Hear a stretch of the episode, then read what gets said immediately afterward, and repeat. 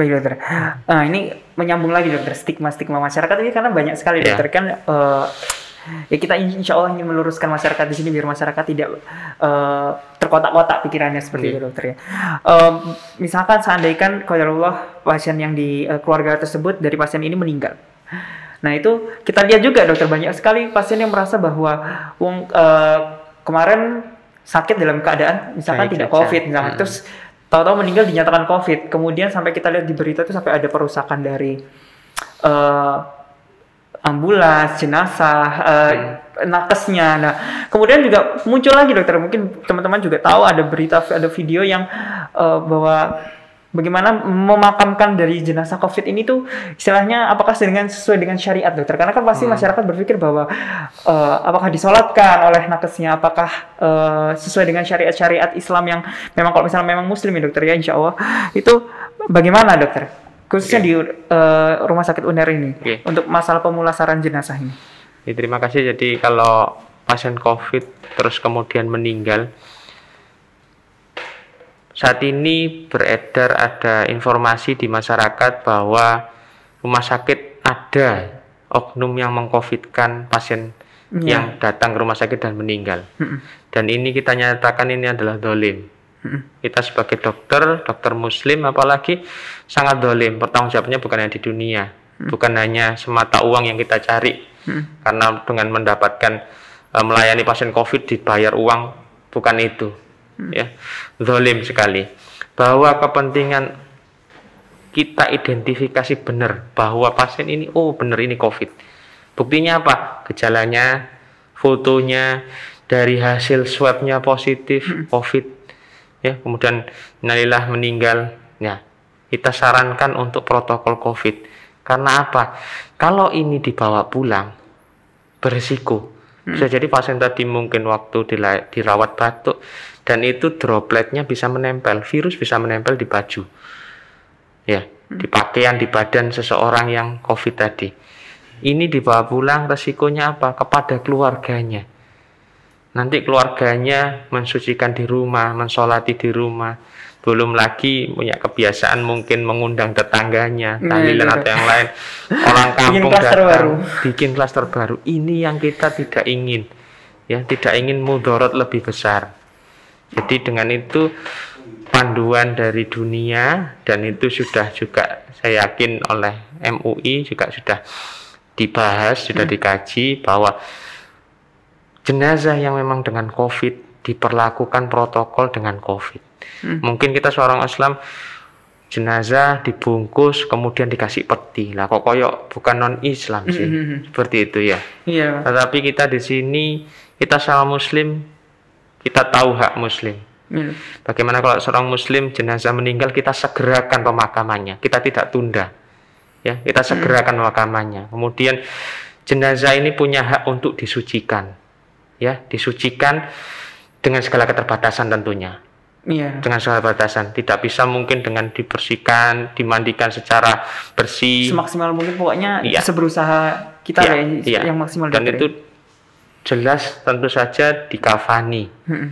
dikafani kemudian dengan protokol ada tambahan protokol di spray ya dikafani lagi terus kemudian dibungkus dengan eh, kantong jenazah terus kemudian di spray lagi di terakhir dengan ditutup dengan peti terus kemudian disil jadi lubang-lubang disil di spray lagi harapannya virus ini tidak ada yang mungkin terlepas keluar dan setelah itu disolati ya kita punya beberapa banyak foto video yang sudah beredar Hmm. jenazah disolati oleh tenaga kesehatan dengan menggunakan hazmat lengkap Hmm. keluarga mensolati boleh Dengan tapi tidak APD, mendekat dokter. APD mungkin masker saja Hmm, oke. ya kita pernah juga ada yang meninggal di sini Hmm. ya innalillah ada ada juga eh, pegawai yang meninggal di rumah sakit sini atau rumah sakit beberapa itu jenazah setelah dilakukan protokol eh, di dalam peti di dalam mobil jenazah di dalam mobil ambulan kemudian diposisikan ya menghadap sesuai posisi ya. Terus kemudian ada imam sholat menggunakan jaga jarak menggunakan APD ada yang menggunakan APD level 3 menggunakan asmat kemudian ada jamaah-jamaah yang lain sampai banyak. Tetap itu adalah kewajiban kita yang hidup Haknya untuk yang dari- haknya yang meninggal Benar. kewajiban yang masih hidup untuk yang meninggal kita mendoakan Hmm. ya kita lakukan semaksimal mungkin karena di situ ada tempat satu gunung ya mensolatkan Iya. yang meninggal ya kalau memungkinkan mengantarkan ya mengantarkan ke makam tentu saja kita tidak bisa membantu dengan menurunkan jenazah ke liang lahat Iya. ada tenaga kesehatan yang memasukkan ke sana keluarga boleh mengantar jaga jarak jangan dari jarak-jarak tertentu melihat dari jauh itu juga bagian mengantarkan mudah-mudahan mendapat dua gunung seperti itu Insya Allah. Jadi masyarakat jangan ini ya dokter ya. Apa tahu-tahu misalnya marah-marah Iya, gitu ya, iya, dokter ya. iya. Itu, itu untuk protektif keluarga yang masih hidup kita tujuannya bukan untuk kepentingan kita tapi kita untuk safety untuk protektif keluarga yang masih hidup kan sampai ada yang dipulang paksakan nah seperti itu. itu Dok. bahaya bahaya ya bahaya Nah, dokter, eh, sekarang eh, insya Allah kan ini masyarakat udah tahu. Nah, sekarang berkaitan dengan masalah eh, swab atau rapid mandiri, dokter. Oh, beberapa waktu lalu kan juga pemerintah juga sudah menetapkan harganya, eh, ya bisa dibilang tidak murah dan tidak semua orang bisa mampu kan, dokter ya. Iya. Untuk swab sendiri kan kemarin ditetapkan pemerintah maksimal 900, 900. kemudian yang rapid itu 150. Nah, eh, ini eh, ditemukan dokter di lapangan ini bahwa ketika masyarakat ini dilakukan rapid test satu kali, misalkan dia dinyatakan positif, misalkan rapid test, kemudian kan pasti eh, ada rujukan misalkan dari vaskes atau dari tempat eh, rapid itu ada rujukan bahwa dia harus segera melakukan swab, misalkan dokter. Nah ini masyarakat ini merasa tidak percaya dengan hasil rapid ini dan kemudian dia memilih untuk rapid di eh, klinik atau di tempat lain, tapi dia tidak bilang di tempat yang baru itu bahwa dia sebelumnya sudah rapid, sehingga waktu ketika baru di rapid eh, di rapid kembali hasilnya pun sama misalkan dia baru bilang oh berarti kemarin benar ya eh, saya sudah rapid em, hasilnya positif nah nah, ini Iya. kan kemudian apakah harus memang seperti ini dokter maksudnya apakah memang harus berkali-kali seperti itu Iya. masyarakat untuk memastikan bahwa eh, rapid ini memang akurat dan berapa akurasi dari rapid dan swab dokter ya jadi istilah lama itu sebagai shopping ya Iya, shopping dokter. medicine ya tidak puas dengan satu pelayanan ya. Salah satunya adalah dengan pemeriksaan rapid tidak mantap Mm. artinya bisa jadi denial. Iya, ya gitu, menolak. saya kok positif sih rapidnya? Karena padahal jadi saya tidak cemas, ada dokter. gejala. Iya cemas. Saya tuh tidak ada gejala kok rapid saya positif? Carilah second opinion dengan rapid di tempat lain. Ternyata masih positif ya. Ternyata memang positif mungkin tidak bergejala. Sehingga terjadi denial. Ini yang kita harus edukasi bahwa penyakit ini aneh orang membawa virus tanpa gejala. Orang yang akhirnya merasa oh saya ini baik-baik saja kok sehat. Tapi kok rapid saya positif? Hmm. bahkan swab saya positif. Hmm. seperti itu. Ya ini yang perlu kita kita apa kita perlu pahamkan kepada masyarakat Iya. bahwa penyakit ini aneh.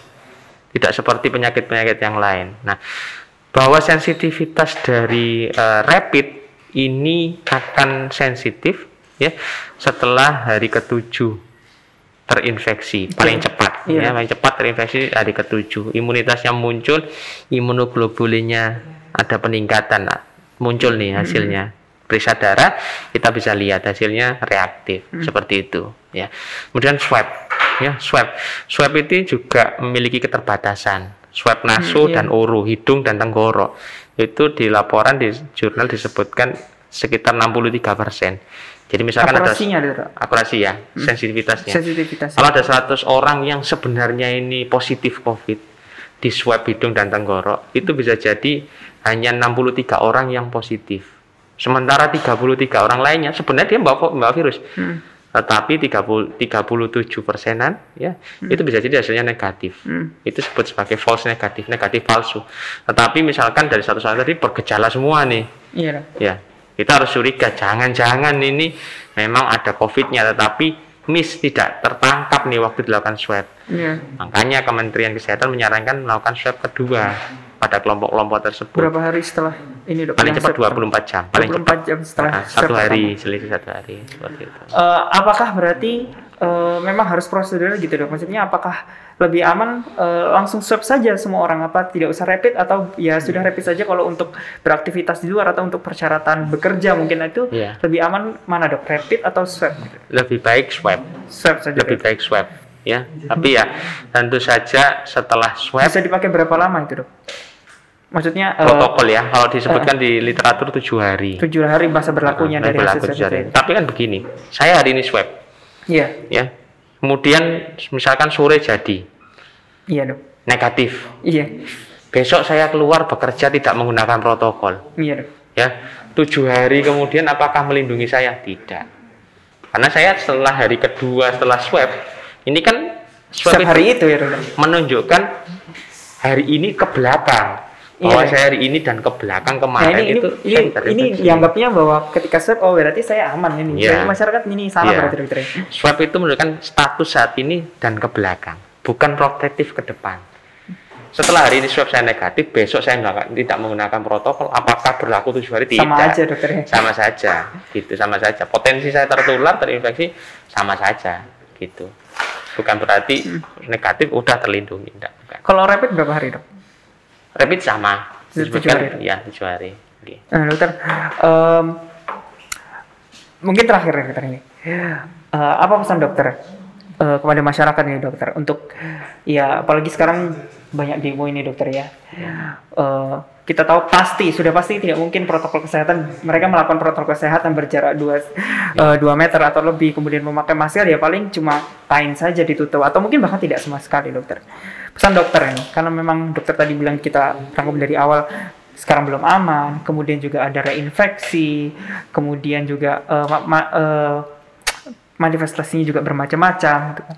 Pesan dokter ini untuk masyarakat untuk sekarang nih dokter, apalagi sekarang sedang marah-marahnya demo ini dokter. ya Apakah, bagaimana dokter? Untuk yang mau bekerja juga mungkin pasti juga khawatir dokter. Oke. Monggo dokter. Oke, terima kasih. Jadi kita reminding lagi bahwa pandemi COVID ini belum berakhir. Virus ini masih ada di masyarakat. Virus ini masih dibawa oleh orang-orang yang tanpa gejala yang masih berkeliaran di luar tanpa menyadari bahwa ada virus pada diri mereka. Apabila orang-orang tersebut bertemu dengan orang lain di dalam suatu kerumunan, misalkan tadi disebutkan ada demo, ada hajatan, pilkada atau hajatan yang lain itu berpotensi mengumpulkan orang tanpa protokol, tanpa jaga jarak, berdekatan, bersinggungan, kemudian misalkan lupa lepas masker, haus mungkin saat demo atau saat hajat minum, nah itu Iya. bisa jadi berpotensi. Orang OTG, OTG tadi bisa mengeluarkan airborne ya, airborne atau droplet kepada udara atau menempel ke tempat orang lain dan itu bisa berpotensi menularkan kepada orang lain. Tetap lakukan 3M ya, menggunakan masker, menjaga jarak, rutin mencuci tangan ya, hindari berkerumun ya. Kemudian kalau memungkinkan lebih banyak di rumah, terpaksa keluar ya dengan tetap protokol seperti itu. Itu bagian upaya kita untuk terhindar dari Covid ini sampai kasus Covid ini benar-benar turun dan hilang dari dunia. Seperti itu. Nah, alhamdulillah. Mungkin eh, alhamdulillah sudah ada gambaran dokter yang di masyarakat tentang kondisi pandemi saat ini khususnya di kota, di kota Surabaya. Kemudian untuk melakukan aktivitas sehari-hari setelah ini, kemudian juga em, bagaimana kasus eh, virus corona ini sekarang ternyata bisa ada reinfeksi gitu dokter. Seperti yang dokter sampaikan tadi. Ini mudah-mudahan insya Allah masyarakat juga tetap ya dokter ya. Menurut dokter ini kira-kira bertahan berapa lama dokter? Eh, kalau misalnya kita lihat ya data perkiraan epidemiologi lah dokter. Oh alam ya untuk kapan ini pandemi berakhir banyak ahli yang memperkirakan tapi ya wow alam Iya, dokter. bisa jadi meleset beberapa waktu yang lalu banyak epidemiolog yang mengatakan mungkin September turun dan alhamdulillah hitungannya memang data epidemiologi saat ini turun dokter. tapi kapan berakhir belum ada yang bisa memastikan. Jadi tidak boleh kira-kira dokter. oh alam kita belum tahu Tetap jaga ya, jarak. tetap lakukan patuh dengan protokol itu adalah upaya untuk tidak tertular Paling murah dokter. paling murah ya paling murah daripada virus terlanjur masuk jadi jangan jangan biarkan pernah virus ini masuk ke tubuh kita dengan melakukan protokol 3M insya Allah sudah mengurangi sekali potensi tertular seperti itu ya Insya Allah. Terima kasih dokter Alfian. Iya. Pagi-pagi mengganggu waktunya. Insya Sama-sama. Allah di hari Jumat yang barokah ini yang eh, penuh berkah. Insya Allah kita semua eh, dirahmati oleh Allah. Dokter Alfian tetap Amin. semangat dokter. tetap mm, uh, menjaga kesehatan terus Yeah. mengedukasi masyarakat. Uh, insya Allah sini masyarakat juga banyak yang berterima kasih kepada Dr. Yeah. Alfian sudah meluruskan banyak stigma-stigma yang ada di masyarakat. Nah, ya, uh, dari teman-teman Surabaya Mengaji, uh, demikian podcast uh, Surabaya Mengaji hari ini. Insya Allah uh, jangan lupa nanti ada podcast-podcast yang lainnya. Eh, Sekian wassalamualaikum warahmatullahi wabarakatuh. Nah, eh, dokter berkaitan dengan eh, penyebaran tadi, eh, maksudnya eh, bertahan lamanya virus ini. Kita dengar berita-berita juga dari atau laporan juga realita juga dokter bahwa sebenarnya banyak dari eh, nakes-nakes sendiri itu ternyata yang tertular COVID ini itu dari yang ru- ruangan isolasi non COVID dokter. Maksudnya Yeah. eh, bukan dari ruangan isolasinya Yeah, justru. yeah, yeah. Nah ini ini menarik dokter. Maksudnya apa yang terjadi? Apakah memang masyarakat kita yang ternyata tidak jujur atau masih bandel dalam tanda Ya, kutip gitu ya, dokter? ya. Jadi banyak laporan yang menyebutkan ada beberapa yang menyebutkan bahwa nakes itu juga bukan orang yang punya kekebalan. Dokter, perawat, Iya. tenaga kesehatan itu bukan bukan super. Manusia juga dokter. Manusia juga kalau merasa terus tidak menggunakan masker, ya itu merasa oh saya dokter terus saya sudah nggak sama pakai masker lah. Salah itu Iya. dok. ya yang tenaga kesehatan seperti itu apalagi yang masyarakat ya lebih-lebih seperti itu ya. Yang tenaga kesehatan mengetahui tentang kesehatan hygiene bagaimana ya. Apalagi masyarakat yang sifatnya harus mengikuti protokol tersebut. Dan memang laporan-laporan itu menyebutkan beberapa tertular itu di luar di luar pelayanan COVID. Hmm, bisa jadi di ruangan pelayanan itu menggunakan hazmat tapi di level 3 lengkap ya. Pakai baju astronot istilahnya Iya, awam itu nah, lengkap itu. Sawah sudah eh, sangat minimal untuk tertular ya. Tapi bisa jadi waktu keluar lupa jajan di depan rumah Wah. sakit. Ya lupa tuh duduk bersama dengan teman makan ya. Makan makan bersama buka masker ya. Makan bersama. Ya mungkin buka puasa atau apa hidangan atau makan apa gitu bersama belum bisa belum boleh. Saat ini belum boleh. Gitu. Jadi belum disarankan. Dan yang saat ini sedang marak itu adalah kasus reinfeksi Reinfeksi. Oh, jadi sudah. reinfeksi jadi dulu pernah kena sembuh Mm-mm. dibuktikan swabnya. Zaman dulu kan swab negatif dua kali. Dua kali negatif sembuh udah. Mm-mm. sembuh udah lama periode tertentu 14 hari mungkin sudah sudah melakukan isolasi sembuh. Kemudian sudah bekerja entah lupa entahkah teledor tidak menggunakan masker. Terinfeksi lagi. Hmm. dan itu durasinya ada macam-macam ada yang tiga bulan ada yang empat bulan ada yang lima bulan. Itu terinfeksi lagi. Dan kita lihat dulu kita masih baca referensi saja di luar negeri. Hmm. ada orang dari Hong Kong yang Sekarang di sini ada, Dok? sini ada. Masya Allah. ada ada. Beberapa bukan hanya di rumah sakit di beberapa tempat lain juga seperti itu. Dengan manifestasi gejala yang sama dok. variatif. Oh tidak sama dengan yang dulu dia. ada dulu yang bergejala ringan atau dulu OTG tanpa gejala. Oke. saat ini bergejala. Atau dulu bergejala saat ini tidak bergejala. Variatif. Hasil swabnya positif. Positif. Swabnya positif. Jadi kita berpikir virus ini sebenarnya protektifnya berapa lama sih nanti kaitannya dengan vaksin tuh. Iya. Dok. kalau vaksin orang ini diberikan berapa iya, kali ini? berapa kali booster. Pengen booster. Jadi kita belum tahu ini. Seorang yang nanti sudah belum kena covid dikasih dikasih vaksin apakah vaksin ini protektif sampai durasi tertentu ataukah eh, justru hanya pendek perlu booster ulang kita ya alam belum tahu ini. Banyak yang harus kita kaji. Nah itu kan eh, ini berarti eh, balik lagi ke stigma masyarakat. Ketika masyarakat itu dibilang eh, anda infeksi itu pasti kan ada yang ngerasa tidak terima loh kemarin sudah sembuh kok bilangnya Iya. nah itu Iya. akhirnya nanti timbul marah-marah karena begini dokter maksudnya kita lihat juga aja masyarakat yang masih dalam tanda kutip eh, mereka masih bisa bilang aman lah intinya maksudnya belum kita belum tahu eh, mereka infeksi apa tidak itu saja disuruh pakai masker aja marah-marah Iya. dokter nah, ini Iya. apa pesan dokter nih buat masyarakat-masyarakat yang apalagi eh, sekarang dokter sampaikan ada kasus reinfeksi seandainya kan nanti mereka dari eh, sudah pernah sakit misalkan qadarullah terus kemudian sakit lagi. Apa pesan dokter? Maksudnya apakah eh, ada perasaan tidak terima masih nah, itu bagaimana dokter? Monggo. Ya, baik. Jadi masyarakat itu ada yang menganggap ini konspirasi karena bisa jadi mereka tidak melihat langsung. iya dok. Beberapa yang dulu menganggap konspirasi, terus kemudian setelah keluarganya itu ada yang sakit, ya, mereka baru sadar, oh ngah, baru oh iya, ternyata virus ini bukan konspirasi, virus ini ada, nyata, seperti itu. Virus ini tidak kasat mata 0,1 mikron orang tidak percaya oh ini Nyata ada virus tidak misalnya. kasat mata ya, tidak ya? kasat mata jadi bisa jadi mereka tidak yakin tidak percaya Mhm. setelah mungkin dia melihat langsung kita di sini di rumah sakit percaya karena kita melihat langsung bahwa ada pasien yang sakit pemeriksaan hasil swabnya positif covid kita yakin bahwa ini pasien dengan sakit covid Mhm.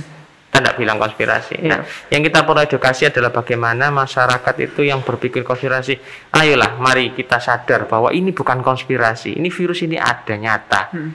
Ya. Kemudian bagaimana Anda tidak tertular? Ya, jangan merasa Anda merasa kebal. Ya, saya aja sebagai tenaga kesehatan, saya bukan bilang saya tenaga kesehatan garda terdepan, bukan. Iya. Saya bilang saya te- tenaga kesehatan garda terbelakang. Karena apa? Kalau masyarakat tidak bisa melindungi dirinya sendiri, tidak bisa protektif, tidak masuk virus ke dalam tubuhnya, artinya mereka tidak bisa menjadi garda terdepan dirinya sendiri, Oh, iya. tidak melakukan protokol, itu sudah bagian upaya mereka untuk menjaga diri sendiri sebagai garda terdepan tidak bisa melindungi. Kemudian virus masuk ke tubuh, imunitas tidak bisa menjaga, garda di dalam tubuh tidak menjaga. Terpaksalah virus ini harus menggiring seseorang datang ketemu kami di garda terbelakang. Ini Hmm. saya bilang. Iya. Ya, Saya menyatakan bahwa saya bukan garda terdepan, saya garda terbelakang. Apabila mereka tidak bisa melindungi, problem COVID ini adalah problem yang ada di hulu, di luar di masyarakat. Rumah sakit adalah problem hilir kiriman. Iya. Apabila problem di hulu selesai, protokol kesehatan dilakukan, virus ini akan mati pada orang-orang yang imunitasnya kuat. Atau sebaliknya, virus ini mati bersama dengan orang yang sakit berat dan meninggal. Iya. Ya. Bagaimana kita memutus mata rantai ini adalah dengan orang yang terinfeksi COVID, baik bergejala tidak bergejala, tidak menularkan kepada orang lain. Ya, tentu saja dengan protokol. Kalau sampai mereka terinfeksi, jangan sampai menularkan ke orang lain. Ya. Kalaupun mereka terinfeksi, disembuhkan sampai virusnya mati, tidak bergeser kepada orang lain. Seperti itu. Ya. Nah terus kalau misalkan seandainya dok, eh, kemudian ditemukan bahwa eh, biasanya responnya bagaimana dok? Misalkan yang eh, pasien-pasien yang kemudian dinyatakan reinfeksi gitu, apakah eh, pasiennya tetap tidak terima atau malah meng- ya seperti dokter tahu di berita-berita menganggap bahwa rumah sakit mungkin Ya. ngakal-ngakali atau bagaimana itu bagaimana dokter? Ya, Mungkin karena apa memang- diedukasi gitu? Betul, edukasi yang pengetahuan ini yang harus kita sampaikan ke masyarakat bahwa reinfeksi bisa terjadi.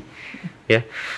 Virus ini mungkin berbeda dengan virus campak. Kalau seorang sudah kena sekali campak, dia punya kekebalan dalam waktu durasi yang lebih lama. Mungkin seumur hidup dia tidak kena campak lagi. Ya. Tapi virus ini berbeda. Manusia memori tubuh imunitasnya mungkin hanya bertahan beberapa waktu saja. Ya, mungkin bisa dibuktikan dengan tes rapid imunoglobulin G-nya masih positif setelah terinfeksi COVID IgM-nya sudah non reaktif, tetapi Iya. IgG-nya masih reaktif. Itu masih punya kekebalan. Pada suatu saat IgG-nya hilang ya bisa jadi seseorang tersebut potensi tertular lagi. Bukan berarti seorang yang sudah terinfeksi sembuh, mas oh saya sudah punya imunitas, Iya, saya dok. kuat wis. Akhirnya takabur jadinya. Ya, enggak, pakai masker gitu ya. Iya dok. Bahkan mungkin menjadi agen perubahan, bukan tidak menggunakan masker. nah, itu berbahaya, berbahaya untuk dirinya sendiri dan untuk keluarganya. Kalau bersangkutan reinfeksi tertular lagi, bisa jadi sumber infeksi di keluarganya. Apakah pasien-pasien yang reinfeksi itu pengobatannya jauh lebih berat daripada yang dulu infeksi? Maksudnya apa? Variatif, variatif. Variatif jadi juga, dokter, variatif, variatif, variatif. Gitu. Ada yang jadi lebih berat, ada yang tanpa gejala, ada yang sama antara gejala yang pertama dengan reinfeksi variatif sekali.